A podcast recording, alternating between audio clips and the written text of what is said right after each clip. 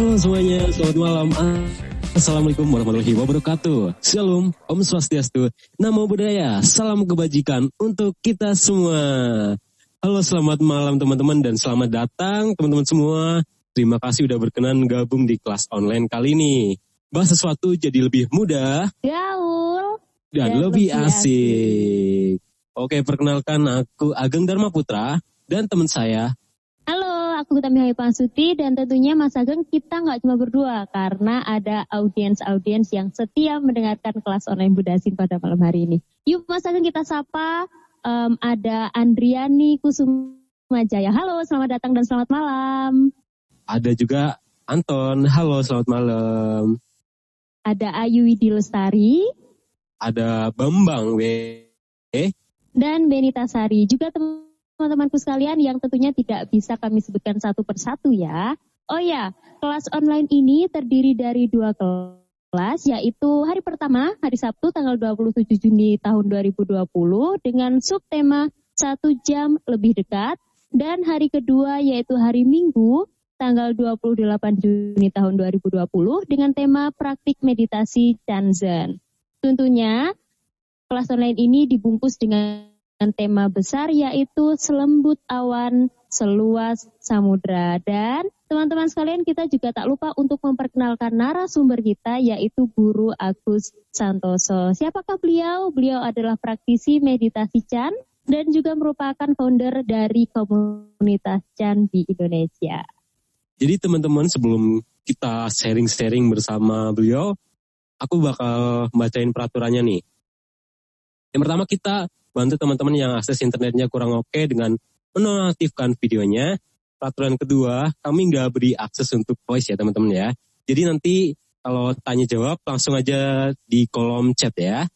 Bila ada kendala ataupun pertanyaan dapat disampaikan di kolom chat yang tersedia untuk selanjutnya operator kami lah yang akan membantunya. Betul sekali. Nah, teman-teman, karena kemarin kita sudah ngobrol di kelas Sabtu yang temanya satu jam lebih dekat bersama beliau, narasumber kita. Kali ini kita akan praktik meditasi Zen bersama guru kita ini. Siapa lagi kalau bukan Bapak Agus Santoso. Kemudian nanti kita juga akan luangkan waktu untuk meditasi bersama-sama. Oke, langsung aja yuk kita uh, panggil Bapak Agus Santoso ke sini ya. Halo, selamat malam Bapak Agus Santoso. Ya, selamat malam Mas Ageng, Pak Ayu, kawan-kawan sekalian. Selamat malam Malam. Bapak. Oke Pak, apa kabar Pak? Ya, oke lah, so far so good. Oke, ini Pak langsung aja ya Pak ya. Ini Pak apa? Berbicara soal meditasi nih Pak, terutama meditasi Zen atau Chan ya. Dan kemarin Bapak juga sempat apa bercerita tentang anak Bapak ya, Kevin ya. Eh, apakah meditasi mempengaruhi hubungan kita terhadap keluarga seperti Bapak dan eh, orang tua lainnya yang tuntutannya adalah dapat mengasuh anak dengan baik, penuh kasih sayang, sabar dan sebagainya gitu Pak. Terus apa saja dan bagaimana suka dukanya eh, merawat Kevin Pak? Terus bagaimana Bapak melindungi psikologinya Kevin sendiri dari tantangan eksternal seperti contohnya komentar dari para orang-orang Pak? Ya silahkan Pak. Oke, mungkin sebelum uh, saya jawab, saya cek suara dulu ya. Suaranya oke ya? Agak keras sedikit Pak. Uh, suaranya oke nggak? Oke Pak. Oke oke. Oke ya. Harus ada sesuatu yang saya lakukan? Em, Cukup ya? Mungkin aman sih Pak ya, agak didekatkan. Oke. Kemudian uh, saya mau tanya, uh, saya pengen bisa speaker view, kenapa ya? Saya kok nggak bisa lihat diri saya sendiri ya? Oh begitu begitu. Maksud saya supaya saya bisa ukur saya ngomongnya gimana, jangan-jangan saya nggak kelihatan misalnya gitu. Oh gitu mungkin. Ini yang saya lihat Mbak Ayu dalam layar lebar atau Oh uh, uh, coba di pi- pojokan kanan Pak. pihak host. Ini saya, saya udah pada posisi speaker view. Oh begitu nih Pak.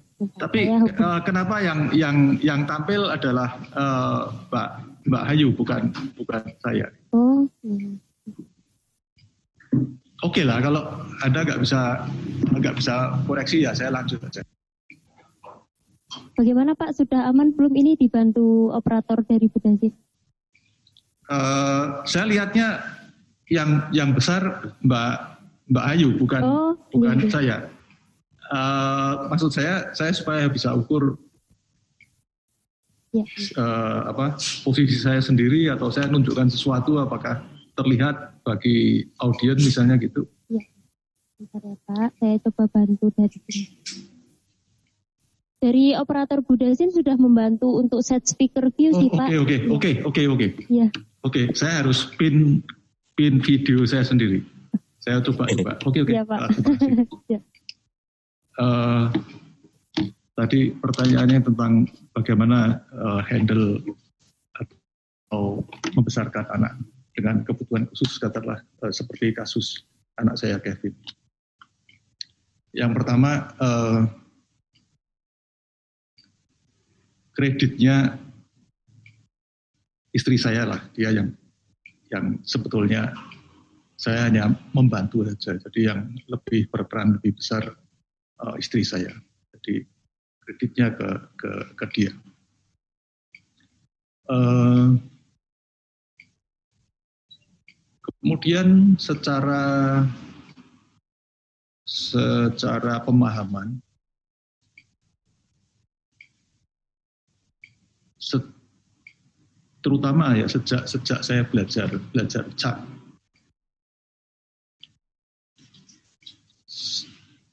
saya mencoba membiasakan diri menyikapi situasi saya atau situasi uh, punya anak autis bukan sebagai sesuatu yang terlalu spesial. Uh, itu mengurangi mengurangi agar hidup saya tidak menjadi drama. Dan sebetulnya juga juga pada kenyataannya saya kira kalau kawan-kawan yang sudah berumur, apalagi yang sudah punya anak atau sudah terbiasa bergaul dengan uh, di dunia kerja, di masyarakat, mestinya bisa memahami kata-kata saya ini. Saya mau bilang bahwa acap kali sebetulnya menangani orang cacat atau orang uh, autis atau terbelakang mental itu acap kali tidak lebih sulit daripada berurusan dengan orang normal. Orang normal itu kadang malah jatuhnya bisa lebih sulit ketimbang apa orang yang yang uh, autis handling orang orang normal kadang-kadang malah lebih rewel, lebih sulit pelayanannya, bahkan bisa lebih destruktif, lebih lebih merusak. Itu pada kenyataannya seperti itu. Kemudian secara pemahaman, eh, kadang di dalam perjalanan saya, ketika ada masalah, ya juga masalah misalnya datang dari Kevin.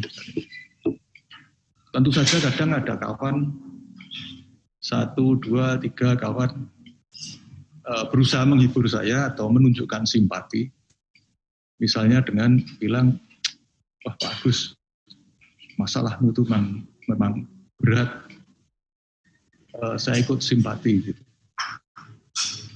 Uh, secara sopan santun ya saya terima kasih atas support dari kawan-kawan uh, atas simpatinya, empatinya.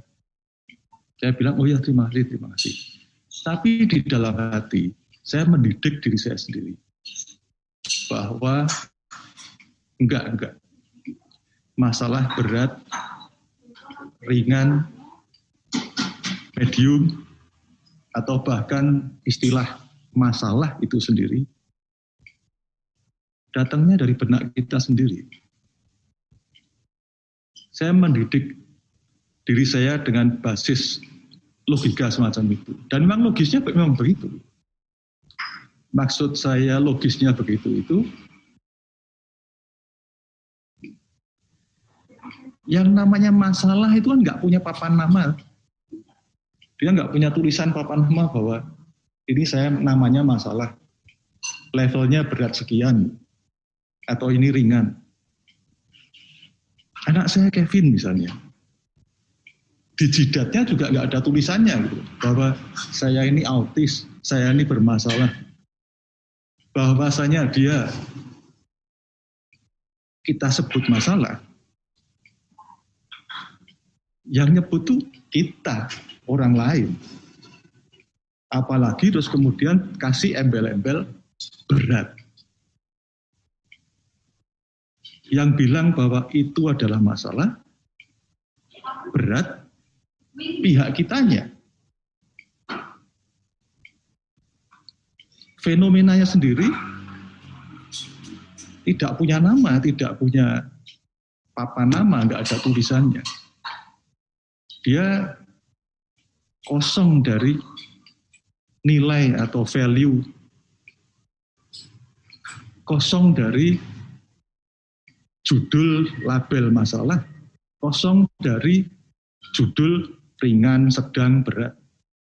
Kitanya yang memproyeksikan bahwa itu masalah, itu berat, atau itu ringan, dan seterusnya. Jadi minimal secara logika, terutama sejak saya belajar desain, saya mendidik diri saya sendiri. Sehingga hidup saya menjadi tidak terlalu dramatis. Sementara gitu, Mas. Ageng dan Mbak Ayu. Ya Pak, ketika Bapak mengatakan bahwa masalah sebenarnya datang dari pikiran kita, kemudian apakah itu juga berkaitan Pak dengan proses Bapak melakukan meditasi dan ini? Maksudnya bagaimana Bapak bisa hingga akhirnya sangat komitmen dan disiplin untuk terus praktek sampai saat ini? Dan pastinya ada hambatan kan Pak, bagaimana Bapak mengatasinya? Ya, uh, di dalam Chan kita meng approach kehidupan ini atau menangani uh, problem kehidupan ini dengan dua sisi. Sisi satu secara logika, cara berpikir. Sisi Kedua, secara meditasi. Dalam artian seluas-luasnya seperti yang hari kemarin kita bahas. Tidak sempit sebatas pada duduk di atas bantal. Nah, logika tentu saja itu menjadi arah menjadi pengingat bagi kita, menjadi landasan dalam kita bergerak. Tapi sekedar mengkoreksi logika saja nggak cukup.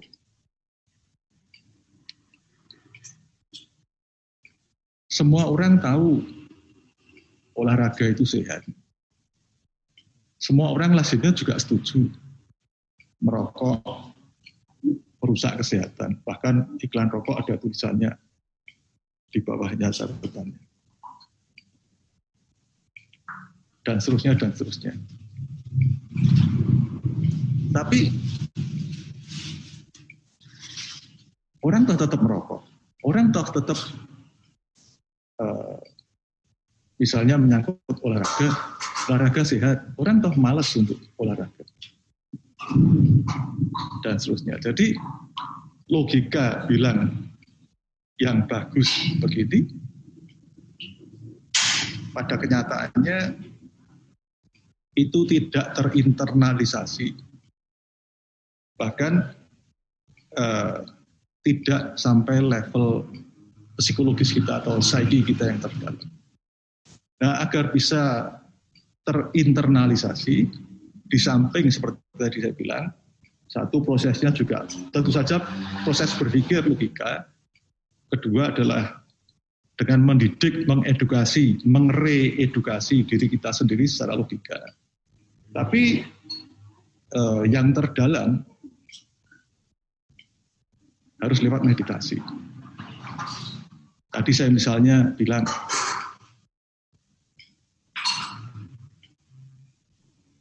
fenomena, katakanlah Kevin, itu tidak punya spanduk, nggak punya papan nama bahwa dia dia masalah atau dia berat dan seterusnya. Artinya dia sebenarnya kosong dari nilai.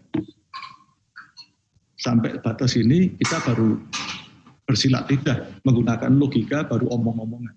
Tapi agar Anda bisa betul-betul secara jiwa raga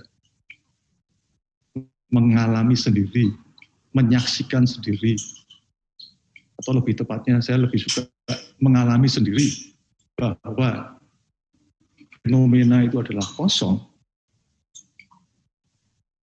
Anda harus lewat jalur meditasi, nggak bisa lain. Itu relasi antara uh, meditasi atau chan dengan dalam kita menangani permasalahan kehidupan. Dan ini yang saya kasih contoh ini, misalnya kasusnya saya, anak saya Kevin.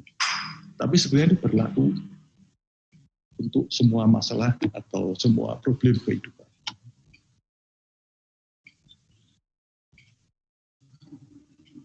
Silakan Mbak Tami. Oke Pak. Uh, tentang tadi apa bisa untuk semua apa masalah-masalah ya Pak.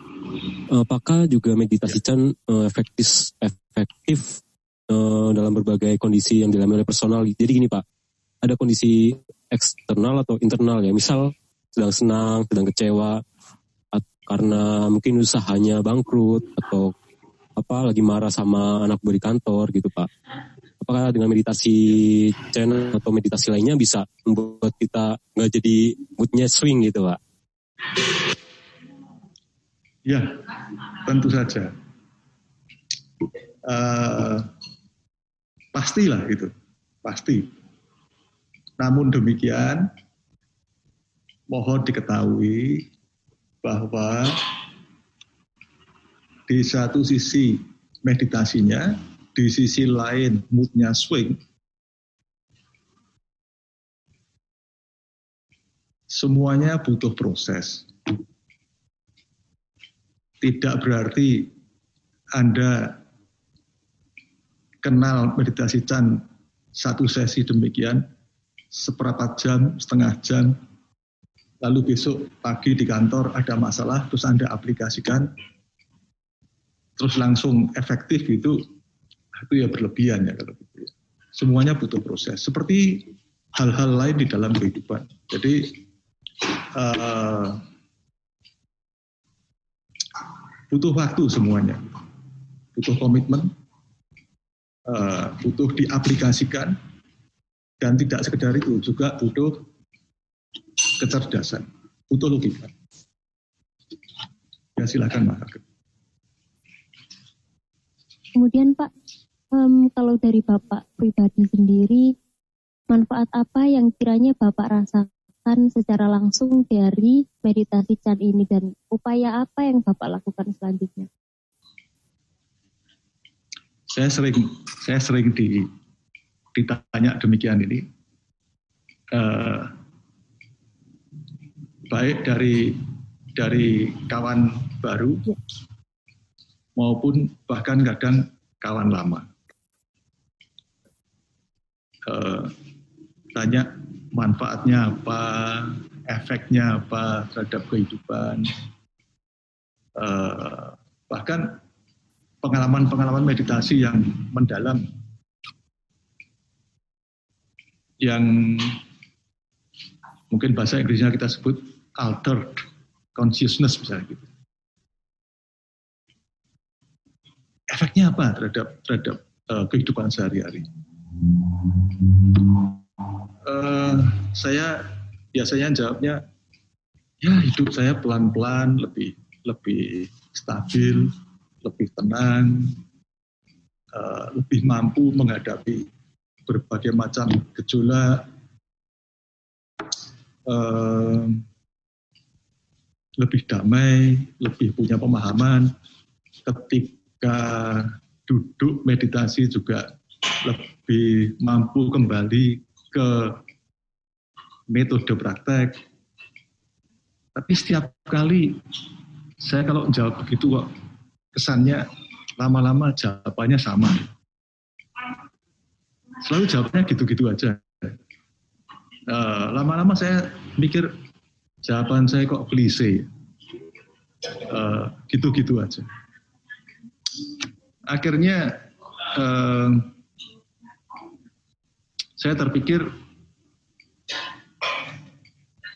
menggunakan rujukan dari dari apa yang diberikan oleh oleh guru saya Master Sengget. Jadi saya merujuk ke yang namanya tujuh tingkat perkembangan atau atau kemajuan orang dalam berlatih meditasi. Namun eh, Eh, saya pikir kita nggak akan nggak akan ada waktu untuk bahas itu. Kawan-kawan bisa lihat aja penjelasannya di di Instagramnya Chan Medan. Uh, itu ada dibahas oleh oleh pernah dibahas beberapa minggu lalu oleh oleh adik saya yang kebetulan juga fasilitator Chan uh, Nini. Dia bahas tujuh tingkat kemajuan uh, orang berlatih meditasi. Oh juga yang minggu lalu ada rekamannya juga dengan Sifu uh, Boyan Basel itu juga bahas tentang itu. Jadi uh, itu rujukan saya. Jadi rujukan yang saya masuk rujukan saya adalah begini. Kalau saya sekedar jawab bahwa saya lebih tenang, saya lebih damai, lebih lebih paham, lebih punya pemahaman, lebih punya kestabilan dan seterusnya. Itu menjadi klise. Ukurannya apa? Gitu? Standarnya apa?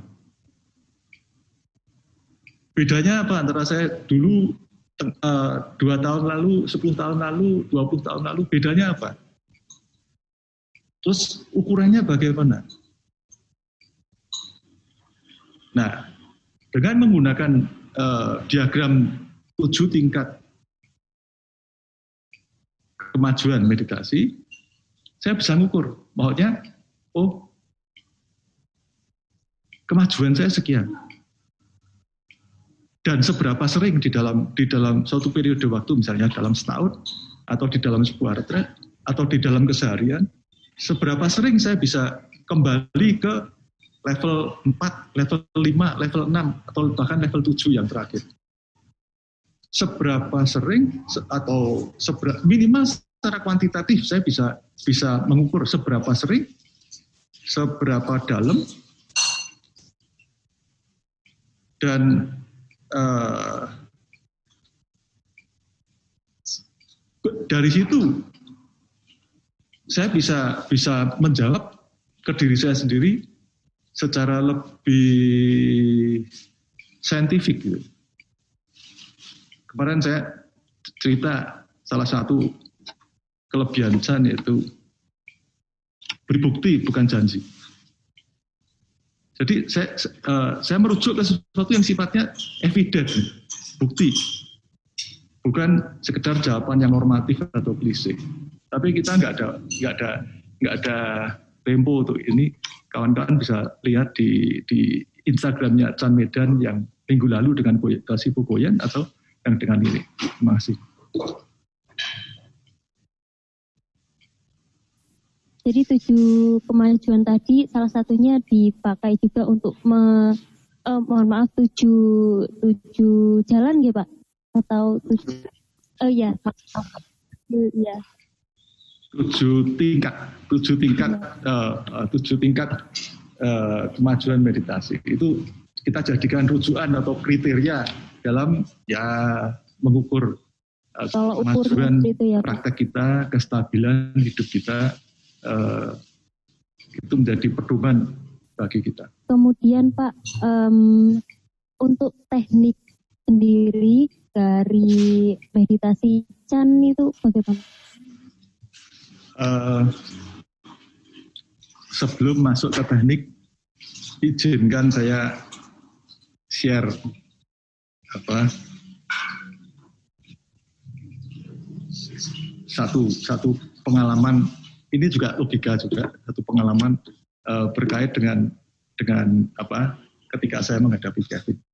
Ini lebih ke logika. Seperti saya bilang, yang pertama ketika menyangkut penanganan, ketika menyangkut perawatan, pengasuhan, pembesaran, uh, kredit lebih ke istri saya lah.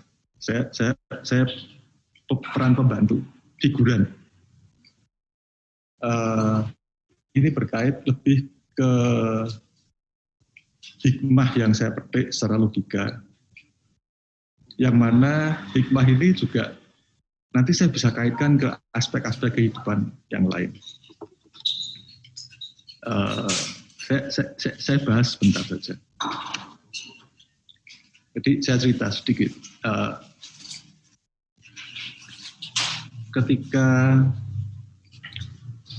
istri saya hamil hamil muda Kevin Mbak, eh, suara saya oke okay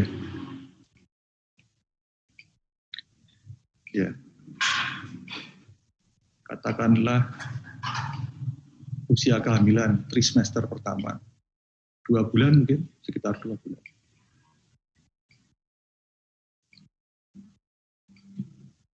Waktu itu uh, saya nemeni ayah saya pergi ke Singapura. Eh, saya ada ada urusan uh, apa problem jantung di di rumah sakit Mount Elizabeth. Kebetulan di sebelah apartemen yang kami tinggali ada uh, seorang ibu membawa anak usia lima tahun. Anak ini menjalani operasi uh, mata bahkan batok kepala di sampai beberapa kali. Ketika saya tanya, masalahnya apa? Rupanya dikatakan anak ini bermasalah karena waktu kehamilan si ibu kena toksoplasma. Saya jadi langsung ingat istri saya yang hamil muda.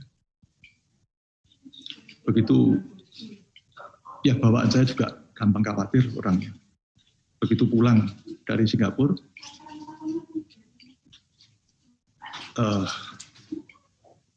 saya ajak diskusi istri saya. Saya bawa ke dokter kandungan. Rupanya di masa itu sebetulnya standar medis modern seharusnya pasangan atau ibu yang hendak hamil seharusnya cek tokso dulu, cek toksoplasma dulu.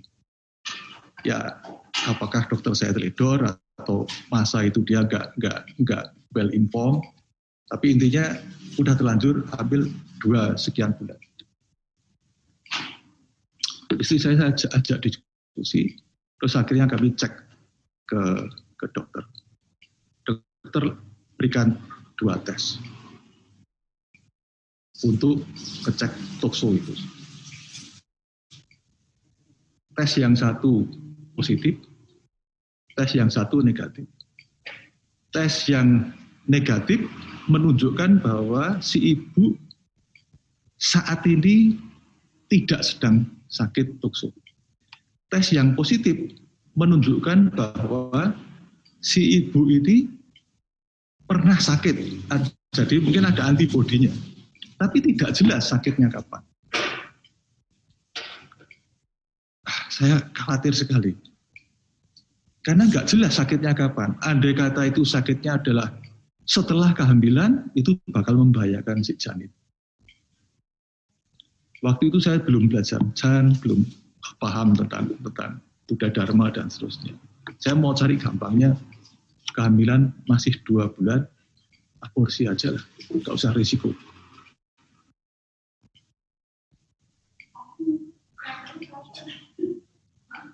Istri saya menolak. Dia bilang, ini darah daging saya, ini anak saya. Apa pun nanti yang lahir akan saya terima dan saya rawat apa pun nanti yang terjadi. Wah, saya berkeras, saya ngotot, saya minta untuk diaborsi. Dia juga berkeras nggak mau. Dia bilang saya rela. Saya rela apa pun nanti yang terjadi, saya hadapi dan saya rawat. Mohon maaf sebelumnya Pak, Ya, Em, ada instruksi bahwa volume Pak Agus minta untuk dikencangkan sedikit Pak. Caranya gimana? Biasanya agak deket sih Pak, ya. Dekat. Oke, Iya. oke, oke. Ya, mohon maaf ya Pak. Oke, oke. Eh, cek Mas Ageng, eh, jelas nggak saya ngomongnya? Mungkin agak lebih kencang lagi. Mohon maaf Pak. Iya Pak. Oke, oke, oke. mohon maaf ya Pak. ya, ya intinya eh, saya tes dulu ya. Satu, dua, tiga. Pak Ayu bisa bisa dengar? Ya bisa Pak. Oke. Iya. Jadi eh, ya istri saya menolak untuk untuk untuk diaborsi. Dia bilang ke saya bahwa apa pun nanti jadinya, ini darah daging saya, anak saya, saya terima, akan saya terima dan saya rawat. Saya rela, saya legowo. Sayanya berkeras, saya nggak paham tentang Buddha Dharma dan seterusnya. Saya ngotot untuk untuk diaborsi, tapi ya akhirnya saya ikutin lah eh, keputusan saya. Kemudian walaupun saya manut, ya tapi tetap khawatir. Tetap Nah bawaan saya sukanya kalau khawatir larinya ke buku. Saya baca buku sana, baca buku sini. Suatu saat saya ada urusan proyek ke Jakarta. Saya mampir ke toko buku besar Gramedia dan saya buka-buka buku-buku uh, medis. Tapi poinnya gini lah. Ada satu jurnal medis, buku besar tebel gitu, uh, terbitan UI, yang mengatakan kurang lebih kasus yang relevan dengan dengan kasus saya dikatakan secara statistik kemungkinan janin keluar cacat atau bermasalah untuk kasus saya itu adalah satu dari seratus ribu. Wah, saya lega. Kalau satu dari seratus ribu,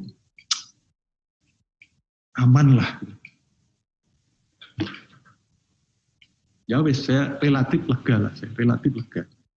Saya enggak enggak risau lagi. Jadi saya ya udah bisnis as usual gitu. Tapi kemudian ya si anak lahir ya baik-baik aja oke aja lah. Dokter juga nggak bilang apa-apa oke. Tiga bulan empat bulan lima bulan ya poinnya pokoknya akhirnya ketika dia berusia enam bulan atau tujuh bulan kalau orang Jawa bilang saya mulai opiak lah. Bingung karena mulai ada masalah. Tidak sesuai dengan perkembangannya tidak sesuai dengan kaidah-kaidah eh, perkembangan normal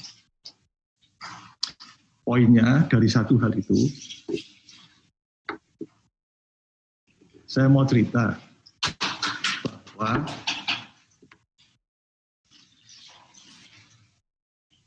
statistik itu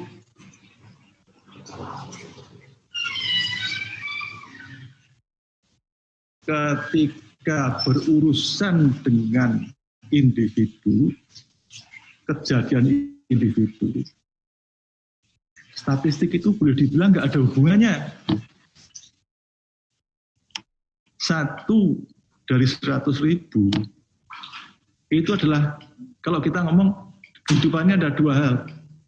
Prinsip general, ada prinsip yang individual. Statistik itu adalah prinsip yang general. Secara general,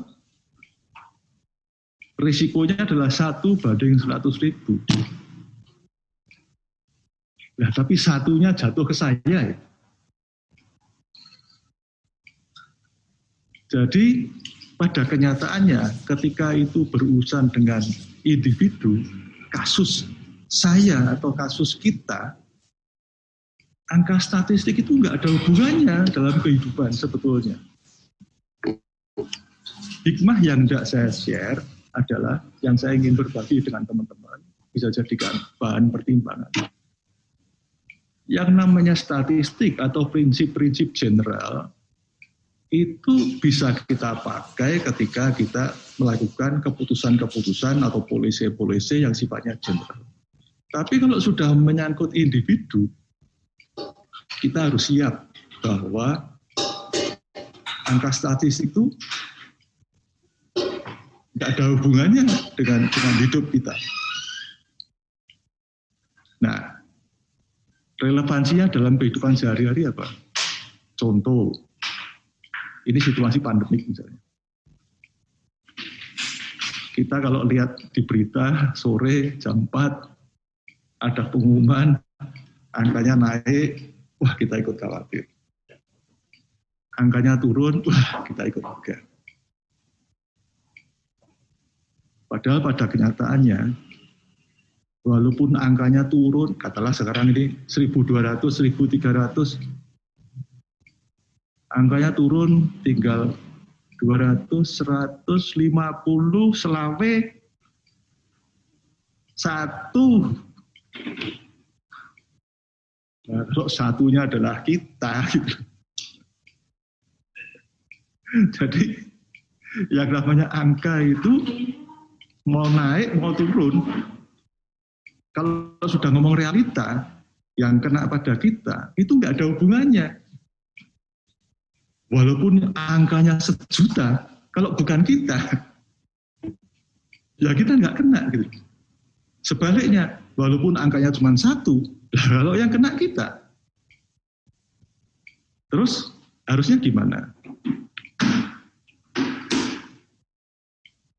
Tengah-tengah lah, jalan tengah. Angkanya kecil, kita hati-hati angkanya besar, ya panik juga nggak perlu. Mau stres juga nggak perlu, nggak menolong, nggak menolong. Jadi kalau stres, ingatlah bahwa angkanya mau 100 ribu, mau sejuta, ya belum tentu kena kita. Karena angkanya satu pun bisa kena yang, yang kena kita. Atau sebaliknya, kalau angkanya turun, jangan sembrono, jangan dipikir kalau angkanya 5 terus bukan kita gitu. Dari angka 1300 turun jadi 5 ya bisa kita gitu. Itu contoh pandemi. Contoh lain uh, saya juga sering alami dalam bisnis. Dikatakan ekonominya sedang boom, maju. Saya nggak dapat proyek, nyatanya. Atau sebaliknya, ini situasi pandemik, di mana-mana bisnis lesu. Eh tiba-tiba bisnis saya laku. Saya dapat tutupan bagus. Jadi ketika pada uh, kasus individual, prinsip yang general statistik itu nggak berlaku. Itu hanya berlaku secara ketika kita mengambil langkah-langkah yang sifatnya polisi general. Tapi ketika sudah nyangkut partikular, individual, kita harus siap bahwa itu acap kali nggak ada hubungannya antara hal-hal yang sifatnya general uh, dengan kehidupan kita uh, secara personal. Ya, tadi uh, mau tanya apa? Mbak Ayu. Atau mungkin dari kawan audien mungkin ada yang oh, iya, yang Pak. Uh, ini Pak apa? Uh, habis ini kita ada sesi meditasi bersama Bapak nih Pak. Mungkin ya. bisa dijelaskan dikit tentang tekniknya seperti apa? Mungkin duduknya gimana, posisi tubuhnya gimana, gitu Pak. Oh, oke. Okay. Sekali lagi uh, saya bilang yang ideal kalau kawan tidak belajar CAN, satu jangan buru-buru, uh, ikut aja gabung dengan komunitas atau kalau saat ini nggak uh, bisa hadir secara fisik, fisik Anda bisa ikut di kayak di platformnya Chan Indonesia atau Chan Medan. Uh, di setiap hari Kamis itu kita ada meditasi bersama, bahkan dibimbing langsung oleh salah satu guru kita yaitu Sepupu Poyo. Uh, gak usah buru-buru, ikutlah mungkin tiga, empat, lima kali. Kalau sekarang hari ini saya share, ini ya sangat terbatas sekali sebetulnya. Uh, mohon disikapi sebagai bagian kecil dari suatu uh, pembelajaran bersama yang panjang atau sistem pembelajaran bersama yang luas dan panjang. Jadi uh, mohon disikapi secara demikian. Itu uh, apa? Uh, gambaran saya secara, secara umum itu dulu. Kemudian uh, secara teknik Chan itu menyangkut seluruh aspek kehidupan. Jadi ketika kita bicara duduk di atas bantal,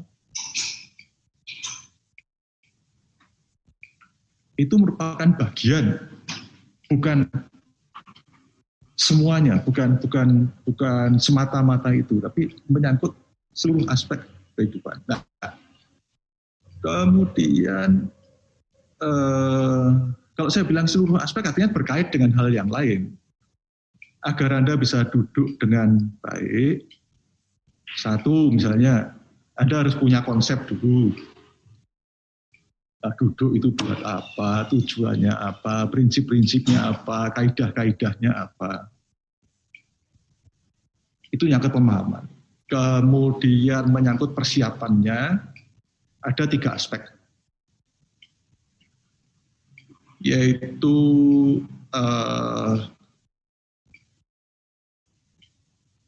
tubuh secara umum, nafas, pikiran.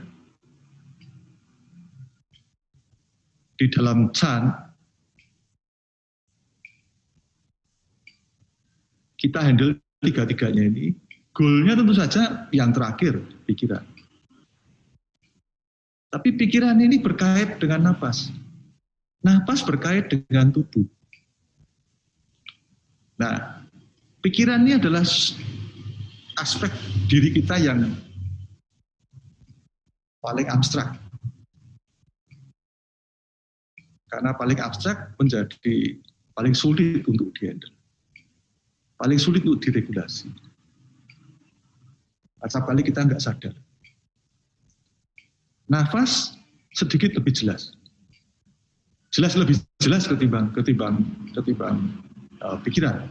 Artinya napas Anda panjang, pendek, ritmik, acak-acakan, bergula, tegang, kasar, Anda bisa lihat, Anda bisa rasakan, bahkan orang lain bisa bisa lihat. Tubuh ini berkait dengan napas. Kalau tubuhnya tegang, napasnya juga acak-acak. Nah, tubuh lebih jelas lagi. Ini adalah aspek yang paling jelas dari tiga hal ini. Nah, lazimnya uh, di dalam chan, ketika kita punya waktu cukup, yang diandal adalah tubuh dulu. Tubuhnya ditenangkan dulu. Dengan berbagai macam cara. Uh,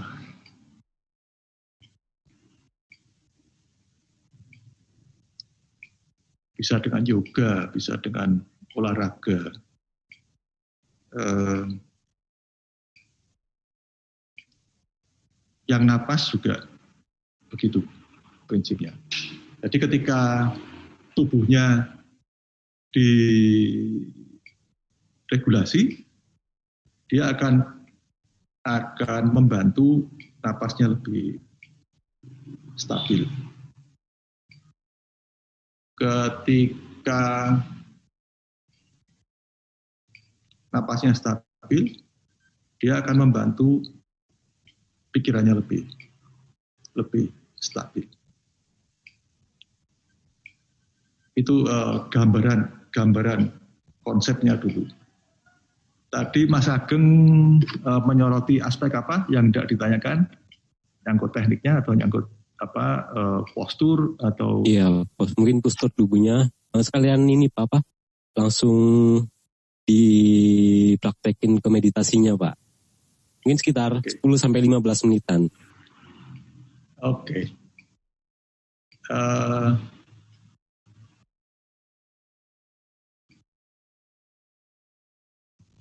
saya pandu dengan hal yang dengan hal yang praktikal aja ya. Ini namanya Anda punya waktu 15 menit ya. Oke, uh, saya akan pandu dengan yang namanya progressive muscular relaxation. Ini bagus digunakan untuk menyiapkan Anda sebelum duduk. Tapi ini juga bisa Anda sikapi sebagai uh, bagian dari meditasi itu sendiri. Karena apa? Ketika kita berlatih, tujuannya membantu agar satu, pikirannya terregulasi atau stabil, kemudian membantu agar pikiran ini bisa hadir di sini sekarang. Ya saat ini kalau kita mungkin habis pulang kerja dan sebagainya, pikirannya acak-acakan, mau ke sini juga sulit, mau memperhatikan apa juga lari terus. Yang lebih realistik, uh, lakukan, lakukan ini, uh, namanya progressive muscular relaxation. Yang pertama, hmm, caranya kita Uh, anda nanti ikutin saya. Poinnya kita akan mengkontraksikan kemudian melepas bagian demi bagian dari tubuh kita. Diawali dari tangan, Anda ikutin bareng-bareng nanti.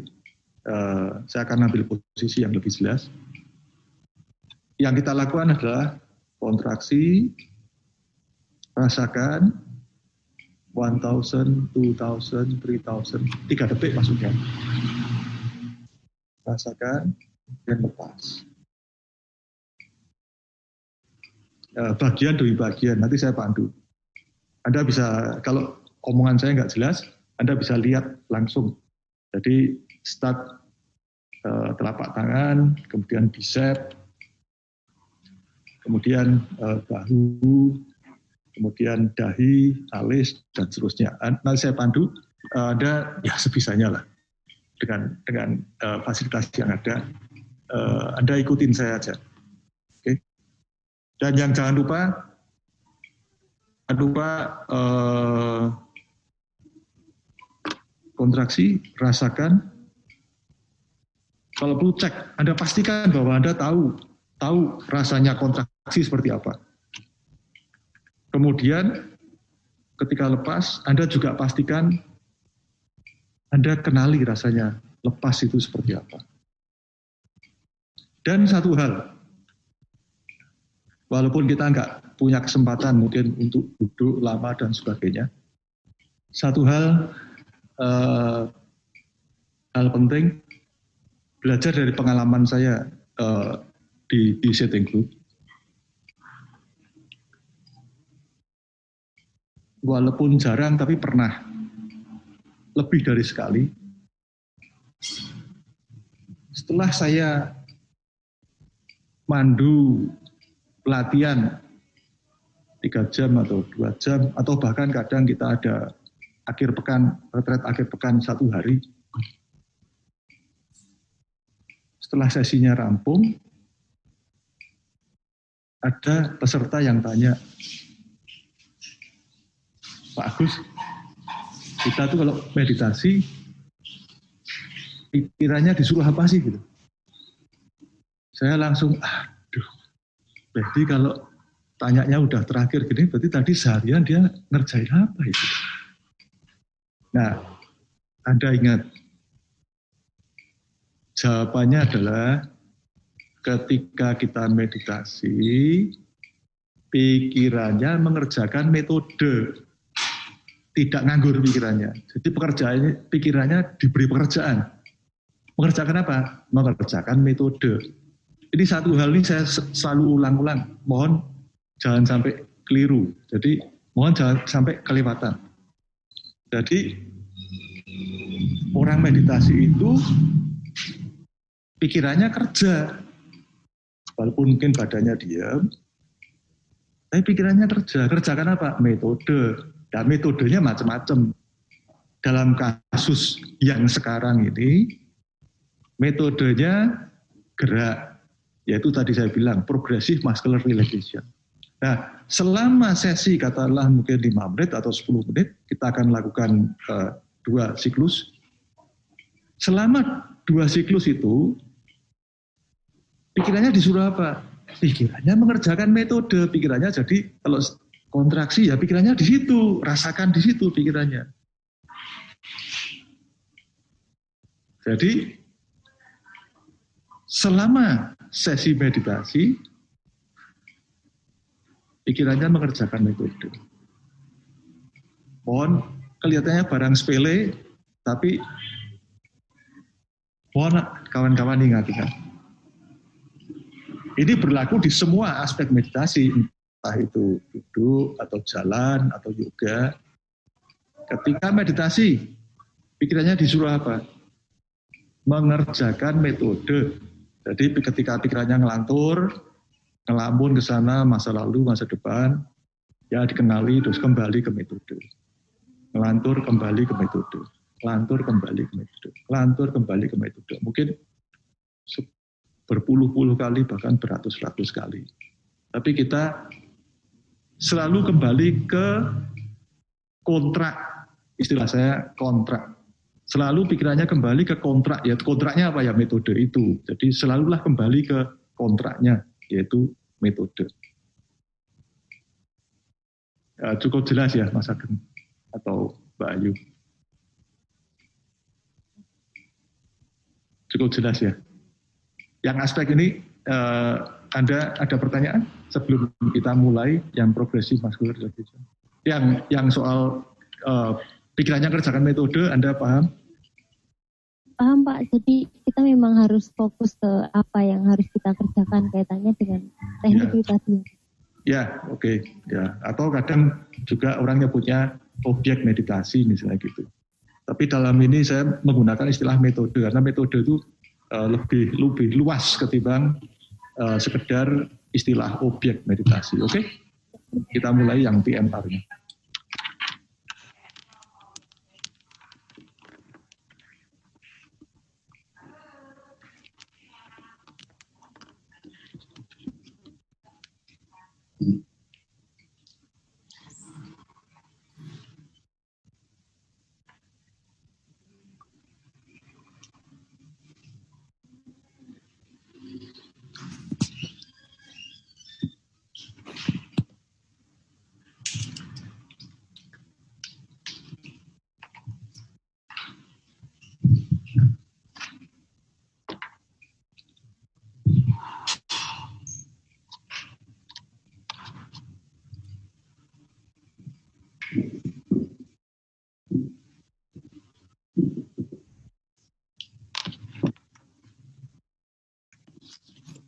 Teman-teman yang ada di rumah juga silakan bersama-sama kita meditasi dengan uh, uh, duduk. Duduk di kursi saja duduk di kursi. Kemudian uh, Yang pertama, telapak tangan kiri.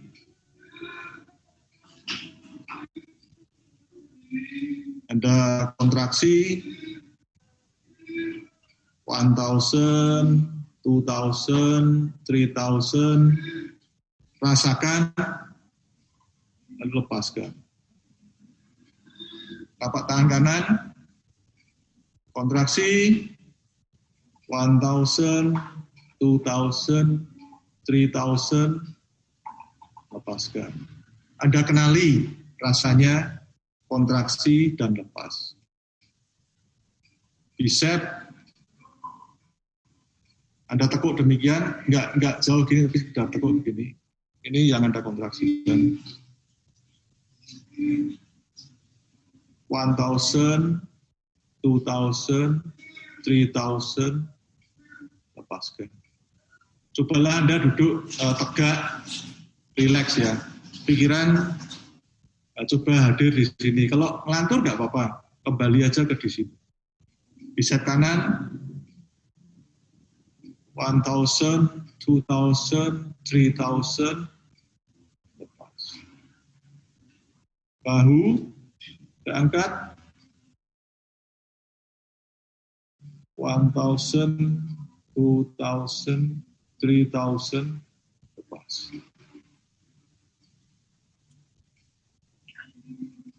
Dahi, Anda angkat alisnya tinggi-tinggi demikian.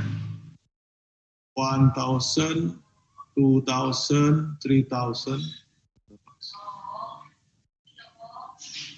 Alis Anda rapatkan demikian. 1000, 2000, 3000 lepas. Kelopak mata 1000, 2000, 3000. Mulut Anda buka pelan-pelan, lebar-lebar, tahan 3 detik.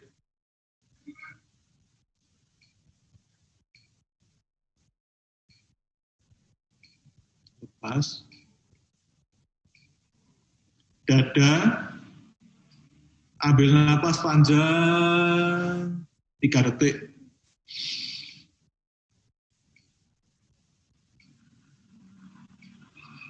Lepas. Pantat, ya nggak kelihatan ya. Ada kontraksi otot duburnya, ada kontraksikan tiga detik. 1000, 2000, 3000 lepas. Paha kiri, Anda lihat kakinya di, di angkat uh, horizontal, tahan 3 detik, 1000, 2000, 3000, lepas. Ketika mengangkat, usahakan tubuhnya tetap tegak. Ya. Kanan, 1000, 2000, 3000, lepas. Betis kiri, caranya adalah uh, Anda angkat telapak kakinya, apa angkat demikian, tahan tiga detik. 1000, 2000, 3000, pas. Kanan, betis kanan, 1000, 2000, 3000, lepas. Kemudian telapak kaki kiri Anda cengkramkan demikian, kaki kiri telapak kakinya. 1000, 2000, 3000, lepas. Telapak kaki kanan juga Anda cengkramkan demikian. 1000, 2000, 3000, lepas. Ya, anda rilekskan seluruh tubuh dan pikiran Anda.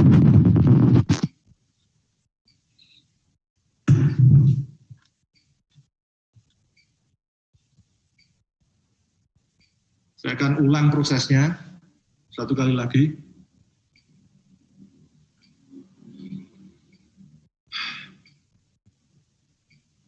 Telapak tangan kiri ada kontraksi 1000, 2000, 3000. Pas. Telapak tangan kanan 1000, 2000, 3000. Bicep kiri 1000, 2000, 3000. Lepas. Bicep kanan 1000, 2000, 3000. Bahu angkat tinggi-tinggi 1000, 2000, 3000.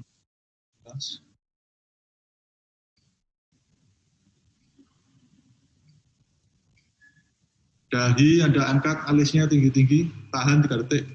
1000, 2000, 3000.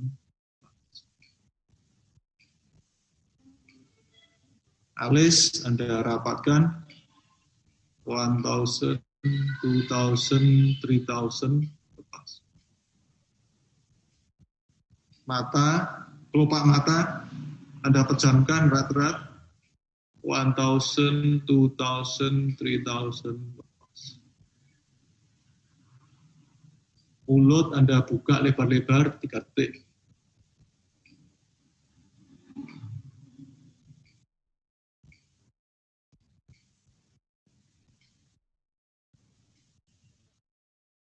Dada, ambil napas 3 detik. Terus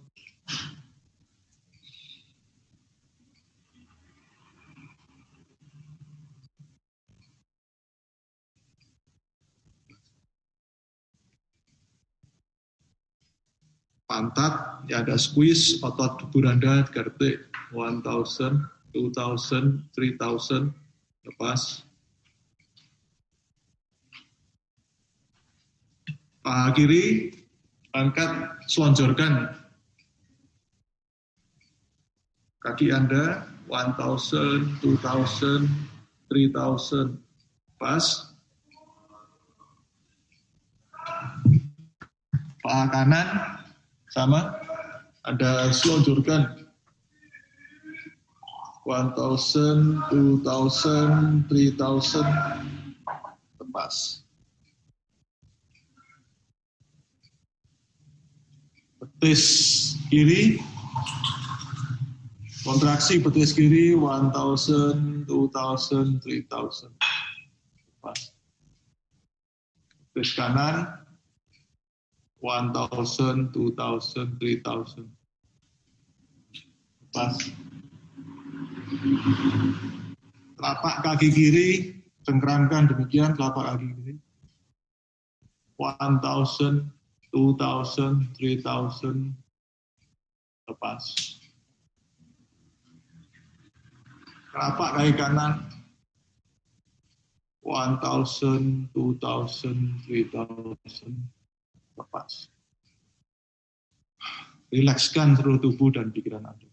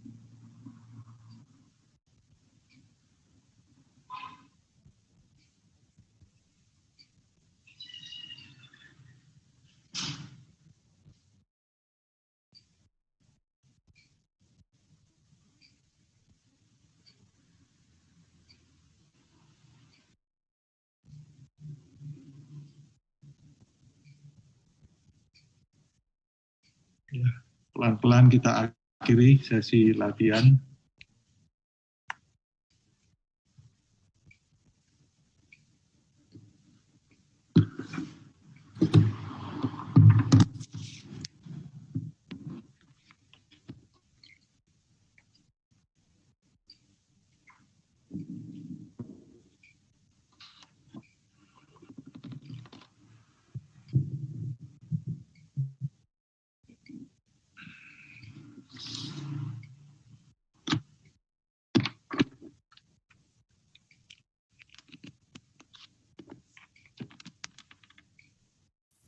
Terima kasih banyak Pak.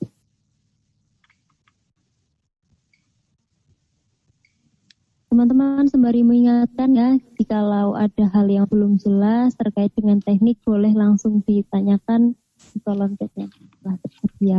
Terima kasih banyak ya Pak. Wah, ilmu baru untuk kami. Baik Pak. Ini ada pertanyaan nih Pak terkait dengan meditasi tadi dari Andriani. Pertanyaannya adalah yang kaki waktu diangkat itu pose ujung kaki seperti apa ya Pak? Uh, bebas, uh, ujung kakinya bebas. Uh, saya pribadi saya lebih suka kayak orang yoga, macul gitu kakinya. Jadi uh, kakinya ditarik ke ke ke arah kita. Tapi secara umum ketika diangkat itu toh pahanya sudah kontraksi sebetulnya.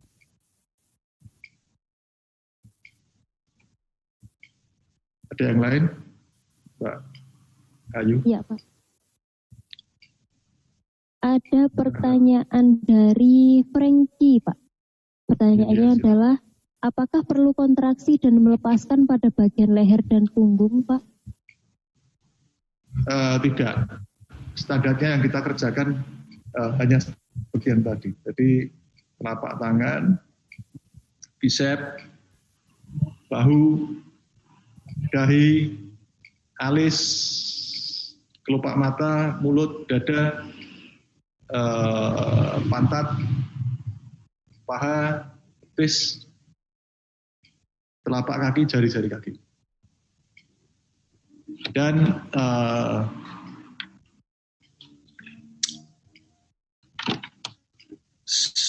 satu hal kebiasaan di, di kami di, di tradisi.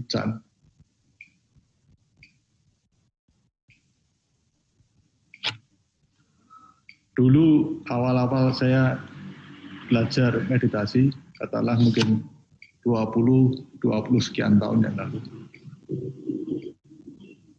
Pola pikirnya awal-awal tuh, katakanlah sekian tahun awal-awal. Pikirnya selalu pengen metode yang tinggi, yang advance. Saya enggan gitu. Kalau suruh kerjakan metode yang yang simple-simple kelihatannya ecek-ecek gitu saya enggak. Tapi semakin saya berlatih atau semakin saya memahami Chan, di dalam Chan itu attitude-nya sebetulnya nggak ada metode tinggi, nggak ada metode rendah. Satu, karena semua metode itu saling berkait, saling komplementari, saling melengkapi. Dua, bahwasanya sebuah metode itu menjadi tinggi atau rendah bergantung pada yang pakai, bukan bergantung pada metodenya. Kalau yang makai itu sudah sangat terlatih, metode yang dasar pun menjadi tinggi. Kalau yang pakai ini sangat tidak terlatih, nggak punya keahlian, dikasih metode tinggi ya tetap jadinya rendahan. Saya pikir ini berlaku di semua uh, aspek kehidupan, Pak. Kalau Anda misalnya uh, alat atau perlengkapan, kalau seorang ahli dia dengan perlengkapan yang seadanya dia bisa produksi result atau uh, produksi kan hasil yang yang bagus. Sedang orang kalau yang tidak terlatih, walaupun dikasih berbagai macam perangkat yang hebat-hebat, ya hasilnya tetap tidak bisa maksimal. Nah, PMR, walaupun ini adalah, kalau di sistem ini adalah, di sistem uh, metode di dalam uh, pelatihan kita ini adalah merupakan awal-awal, tapi sebetulnya bahkan pada pengalaman meditasi yang paling mendalam, itu rasanya persis dengan rasanya tangan yang begini. Dan kita melatih ini sehingga proses pelepasan itu tidak sekedar di konsep tidak sekedar di otak-atik, di kepala, di teori, tapi kita mengalami sendiri secara fisikal. Kita meng embodiment secara bahasa Inggrisnya embodiment. Artinya kita mengalami sendiri secara fisikal ketika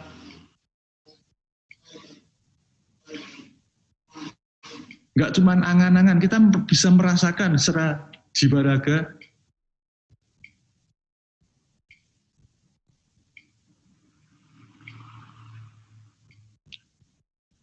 Pada level samadhi bahkan pada level satori ini yang terjadi. Rasanya begitu. Jadi uh,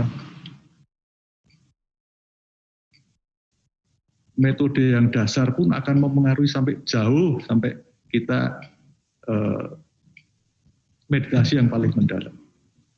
Itu Mbak uh. Tadi pertanyaannya yang Tadi yang terakhir apa, Mas Tegar?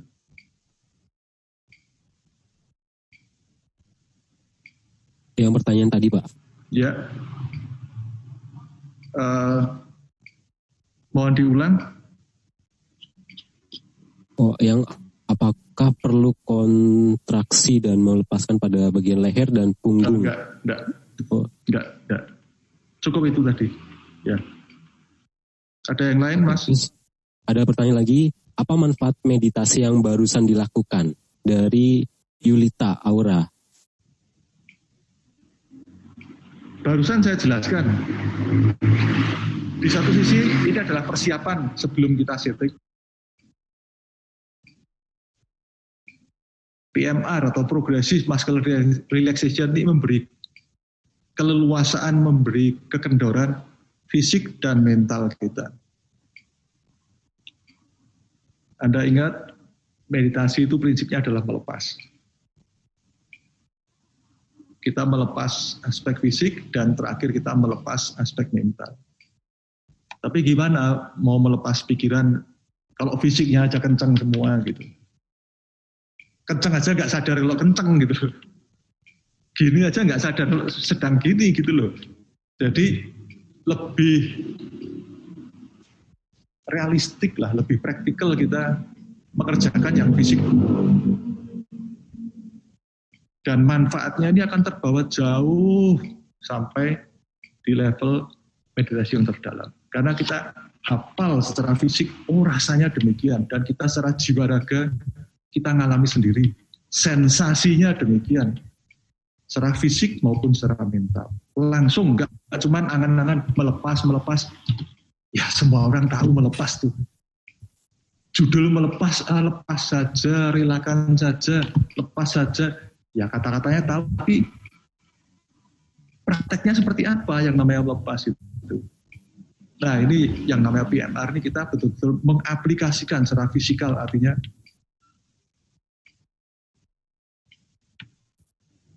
Oke. Okay? Baik Pak, berlanjut ke pertanyaan berikutnya yaitu dari Amat Lim. Pertanyaannya adalah metode Chan apa yang paling efektif mencapai kondisi unified mind atau bersatu dengan pikiran dan berapa lama meditasinya? Uh,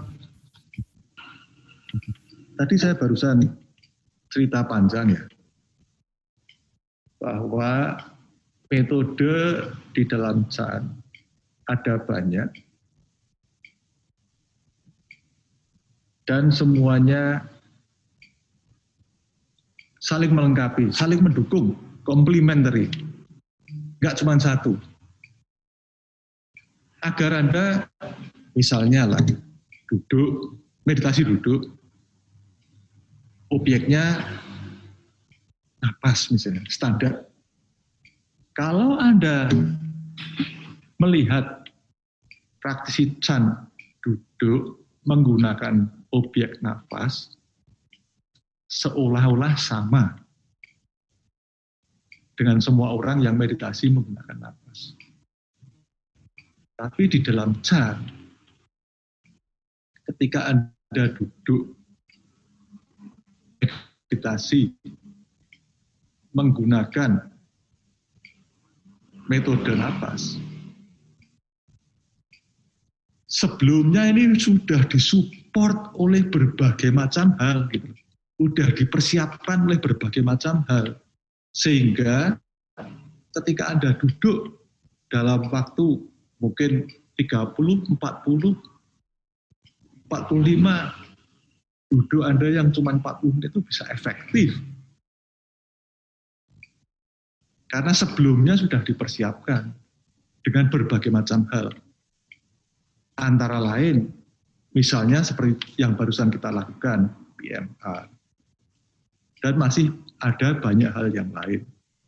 Dan tidak sekedar menyangkut praktek ini. Ya kalau Anda paham Buddha Dharma, intinya kan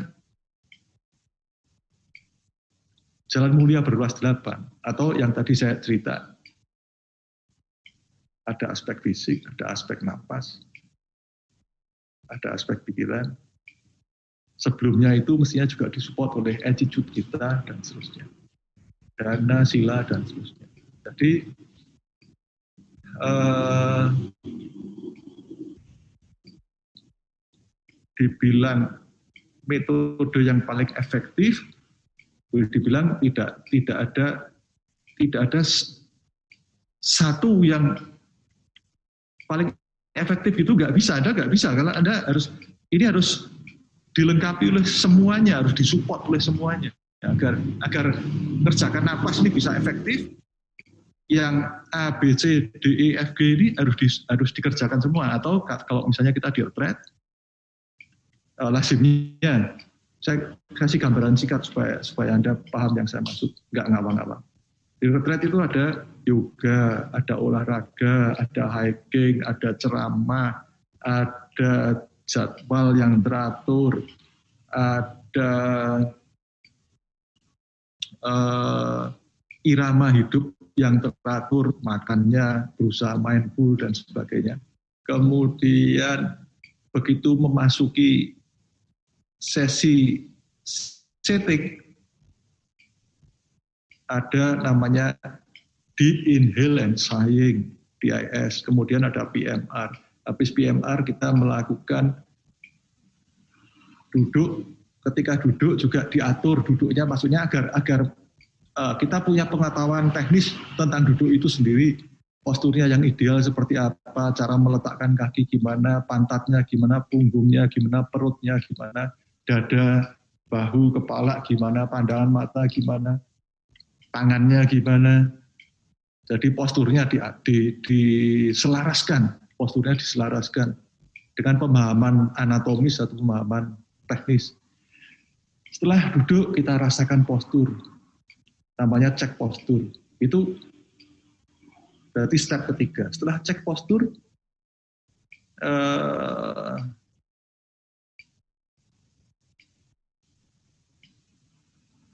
biasanya kita lakukan yang namanya relaxation body scanning. ada relaxation body scanning, habis itu uh, ada level namanya just sitting. Habis just sitting, ada mengalami napas. Habis mengalami napas, ada uh, metode namanya hitung napas. Setelah hitung napas, ada namanya metode mengikuti napas dan seterusnya. Atau sebelumnya itu sebelum namanya RBS kadang juga ada namanya metode regulasi napas 315426. Itu saya, saya, saya sekedar kasih gambaran bahwa metodenya ada banyak bertahap eh, tidak ada satu yang efektif tapi sistem itu sangat efektif tidak cuma satu, tapi sistem tersebut sangat efektif. Nggak cuma efektif, tapi juga terukur. Dan ada buktinya. Saya ulang, yang efektif adalah sistemnya. Dan terukur dan ada buktinya. Oke, terima kasih Pak. Terus uh, berkaitan dengan tadi Pak apa yang tadi kan posisinya dengan duduk Pak, duduk dengan kursi gitu.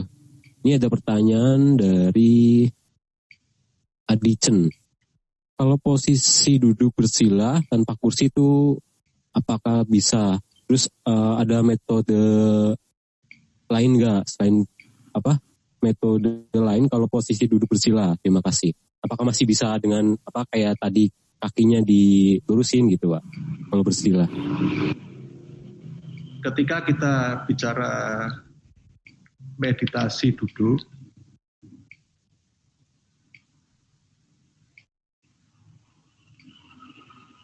eh, yang paling lazim adalah duduk bersila. Di Indonesia, untuk orang-orang kita, Asia, Indonesia, yang paling lazim adalah setengah teratai. Tidak sekedar lazim, yang namanya setengah teratai itu adalah postur yang optimal. Paling stabil full lotus, full teratai, tapi uh, tidak banyak orang yang mampu tahan karena uh, sakit. Sangat stabil, tapi uh, kadang orang nggak bisa tahan. Karena yang namanya postur itu stabil, nyaman, dan bisa bertahan lama. Ada sekedar kejar nyaman, tapi nggak tahan lama, cepat ngantuk misalnya. Ada baringan gitu, nyaman, tapi mudah terlelap tidur. Atau paling stabil, full lotus, tapi Anda nggak bisa lama karena sakit. Nah, yang optimal itu adalah uh, setengah teratai. Nah, namun demikian, itu tidak mutlak. Tidak harus seperti itu. Ada banyak opsi-opsi lain. Kalau Anda misalnya ada kesulitan secara anatomis, kesulitan secara fisikal, banyak kawan yang ketika meditasi ya duduk aja di kursi. Cuman uh, usahakan Anda duduk dengan postur yang baik, yaitu uh, tidak bersandar, kemudian pantatnya Anda duduk pada tulang duduk namanya, kemudian uh, disebutnya bahasa Inggrisnya sitting bone gitu ya, dan tubuhnya relatif tegak, rileks, kendorkan dada, perut, wajah, leher, bahu dan terlepas. Jadi Anda mendapatkan postur yang relatif stabil dan tidak loyo. Namun demikian, kadang beberapa kawan yang kaum profesional, katakanlah kemarin-kemarin masa sebelum pandemi, Anda kerja seharian di kantor, ya nyatanya pulang nggak punya waktu, dipaksa duduk, berantakan, malah tersiksa. Kalau saya ketimbang Anda duduk tersiksa, ambil postur yang lain. Kalau perlu, baringan, berbaring. Berbaring sekedar. Kalau di dalam juga namanya postur mayat. Sekedar berbaring. Jadi eh, postur bisa bisa menyesuaikan lah. Tidak tidak kaku harus harus sekedar duduk bersila. Ada postur yang lain. Intinya adalah anda mencoba mendapatkan keadaan tengah-tengahnya tidak terlalu lelah, tidak terlalu tegang, tapi juga kesadarannya relatif bisa dijaga. Tapi seperti tadi saya bilang, kalau Anda lelah sekali, habis pulang kerja, sudah nggak bisa apa-apa. Kalau Anda paksa duduk, kualitasnya buruk sekali. Berbaring aja. Kalaupun nanti berbaring tidur ya sudah lah. Lumayan tidurnya rileks. Oke. Ya, Pak, ini ada pertanyaan dari Rea Rosanti yang tadi juga sebenarnya sudah dibahas sebelumnya. Pertanyaannya itu berkaitan dengan merilekskan pikiran Pak, bagaimana mencoba fokus dengan uh, mengatasi tegang, kemudian kurang fokus, buyar dan sebagainya. Bapak sempat mengutarakan bahwa yang terpenting adalah uh, memfokuskan diri terhadap metode. Memang metodenya banyak dan bertahap, tapi tidak ada satu yang paling efektif. Namun uh, sistemnya yang sangat efektif. Tentunya meditasi dan ini juga terukur, manjur dan beri bukan janji. Begitu nggak Pak, kurang lebih? Eh, Bea. Long time no see ya. ya, Ria Jogja ingatku UGM dulu dia. Oke. Okay. Uh, eh,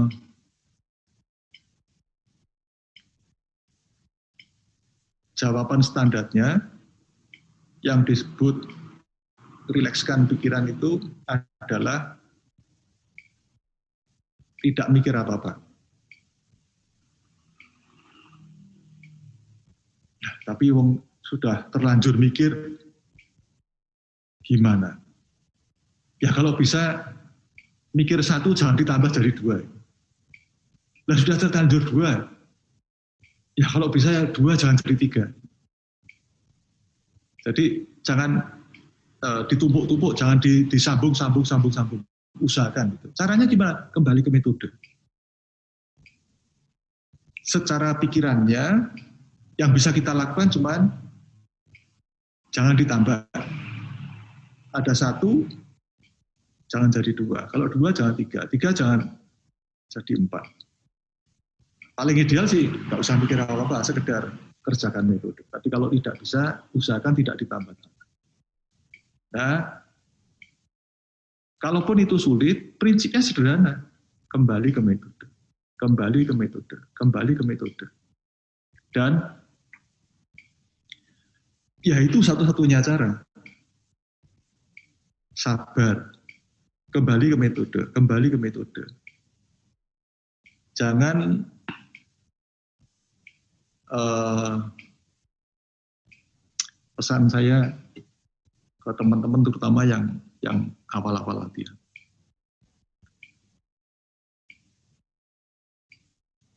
Jangan mengukur sukses gagalnya meditasi dari nyaman tidak nyaman. Atau enak tidak enak, atau uh, pemahaman Anda sendiri rileks tidak rileks dan seterusnya. Uh, jangan pakai ukuran itu.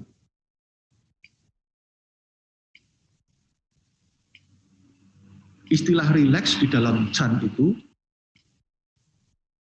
konotasinya beda dengan dengan orang pada umumnya. Istilah rileks di dalam Chan itu artinya adalah yang tadi saya cerita. Kalau bisa gak bereaksi. Kalau sudah terlanjur satu lapis ya jangan jadi dua. Kalau dua jangan jadi tiga dan seterusnya. Dan jangan menggunakan ukuran enak tidak enak. Karena kalau nuruti enak ya kita jalan-jalan aja lah, pergi ke mall, nonton TV, main game. Nah, terus ah, terus manfaatnya apa? Terus kita gimana tahunya bahwa itu efektif atau enggak? Nah, masalahnya di dalam meditasi itu ketika meditasi itu menunjukkan efektivitasnya, kalau di diagram yang tujuh tingkat itu Anda mulai masuki level 3 atau 4. Wah, pengalamannya luar biasa. Sebuah kebahagiaan yang selama hidup gak pernah Anda rasakan di kehidupan sebelumnya. Anda menjumpai sesuatu yang sedalam samudra, selembut awan. Dunia lain lah, dalam artian dunia lain bukan ada ngimpi, bukan. Ya di sisi sekarang, tapi begitu luas, bersih, lega, keadaan sebuah keadaan yang sedemikian membahagiakan yang jelas belum pernah Anda alami sebelumnya. Tapi itu kejadiannya itu tidak linier. Itu didapat dari proses sabar, sabar, sabar, sabar yang kelihatannya tidak nyaman, tidak nyaman, tidak nyaman, tidak nyaman, tiba-tiba dia melompat. Gitu ketika momentumnya terpenuhi, tiba-tiba dia melompat. Kalau Anda sudah berulang kali mengalami demikian, memang untungnya atau ke, ke, ke, kemanfaatnya adalah Anda jadi confident. Anda tahu ah, ini tidak nyaman ini ya memang harus begini. Anda tidak tidak keberatan. Anda menjadi lebih rela itu untungnya orang yang sudah punya pengalaman. Karena Anda sudah tahu, oh nanti bakal begini kok. Tapi kalau Anda nggak punya punya pengalaman, ya ini peran dari kawan-kawan yang lebih lama berlatih, yang lebih senior, itu encouraging, mendorong Anda bahwa, eh nanti di sana itu ada sesuatu yang indah loh. Sabar, sabar. Anda yang telaten, sabar. Karena kejadiannya tidak linear anda harus sabar, kumpulin dulu momentum, kumpulin dulu momentum, kumpulin momentum. Sampai tiba-tiba nanti akan melompat. Nah, itu tadi, jangan menggunakan ukuran enak tidak enak. Ukurannya cuma satu. Seberapa banyak Anda bisa telaten kembali ke metode. Dah itu aja ukurannya.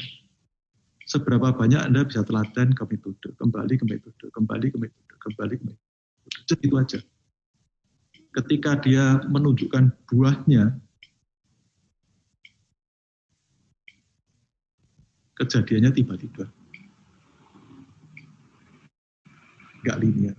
Itu empati kita yang lebih senior, yang lebih berpengalaman kepada kawan-kawan yang pemula itu adalah karena Anda nggak pernah ngalami, jadi susah payah untuk bisa ah, merasa percuma lah jadi itu kita hanya bisanya sabar lah sabar sabar. Kita sudah mengalami seperti itu percayalah. Kira-kira seperti itulah. Mbak Gutami Mas Ageng Ria. Baik, terima kasih ya Pak. Dan seperti itu teman-teman jawabannya. Um, untuk lebih jelasnya mungkin bisa langsung gabung saja di komunitas Chan Indonesia bersama Bapak Agus. Mungkin pertanyaan terakhir ada yang ada yang tanya terakhir? Sudah habis, Pak. Sudah, Sudah tidak ada pertanyaan lagi, Pak. Ya. Oke. Okay.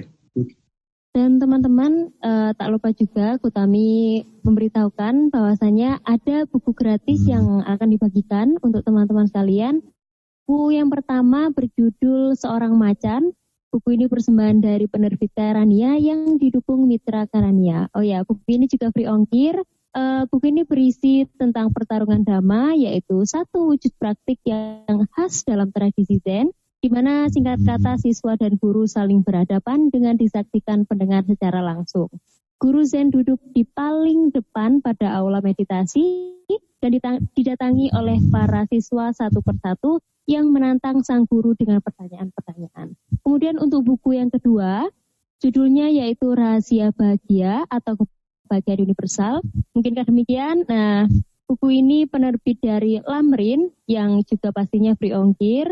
Uh, berisi tentang rahasia bahagia yang ditulis dengan ringan namun mendalam. Berisi tentang langkah-langkah dalam menggapai kebahagiaan. Ini merupakan karya dari Dakpo Rinpoche. Kemudian yang terakhir ada kebahagiaan di jalur praktik. Ini adalah judul buku yang terakhir. Persembahan dari penerbit Dian Dharma yang ongkirnya ditanggung oleh audiens ya. Berisi tentang praktik kebahagiaan di jalur praktik karya Chern Pasel. Nah, isinya tentang praktik-praktik di dalam Zen, tradisi Dar Dharma Dromonten dalam buku ini membaca akan diajak menyelami praktik Zen ke dalam kehidupan sehari-hari. Ya, seperti itu ada tiga buku yang dapat teman-teman dapatkan, namun satu di antara buku tersebut ongkirnya ditanggung oleh audiens. Oke, jadi nanti teman-teman store nama, alamat, dan nomor HP ke nomor registrasi ya.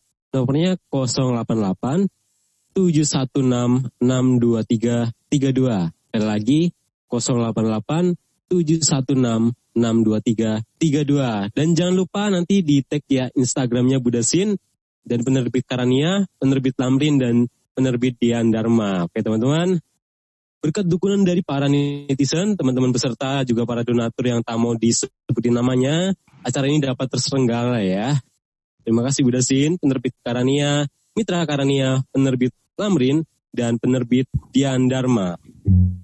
Betul sama Kutami. Ya Pak. Uh, cuman satu aja. Uh, saya pengen segala kebajikan apa diskusi kita, belajar kita bersama, kita dedikasikan ke founder kita, Mendiang Mas Sutara, Budasin. Terima kasih Pak, terima kasih banyak Pak. Terima kasih dan teman-teman tak terasa ternyata kelas ini telah di penghujung acara. Terima kasih guru kami Pak Agus Santoso. Terima kasih banyak juga kepada teman-teman sekalian. Tanpa Bapak dan teman-teman semua kelas ini tidak dapat terselenggara dengan baik. Dan ya nantikan terus nantikan terus kelas-kelas online yang diselenggarakan oleh Budasin berikutnya. Jangan lupa follow Instagramnya hanya di @budasin. Oke, sampai jumpa di lain kesempatan teman-teman. Wassalamualaikum warahmatullahi wabarakatuh. Shalom, Om Swastiastu, Namo Buddhaya, salam kebajikan untuk kita semuanya.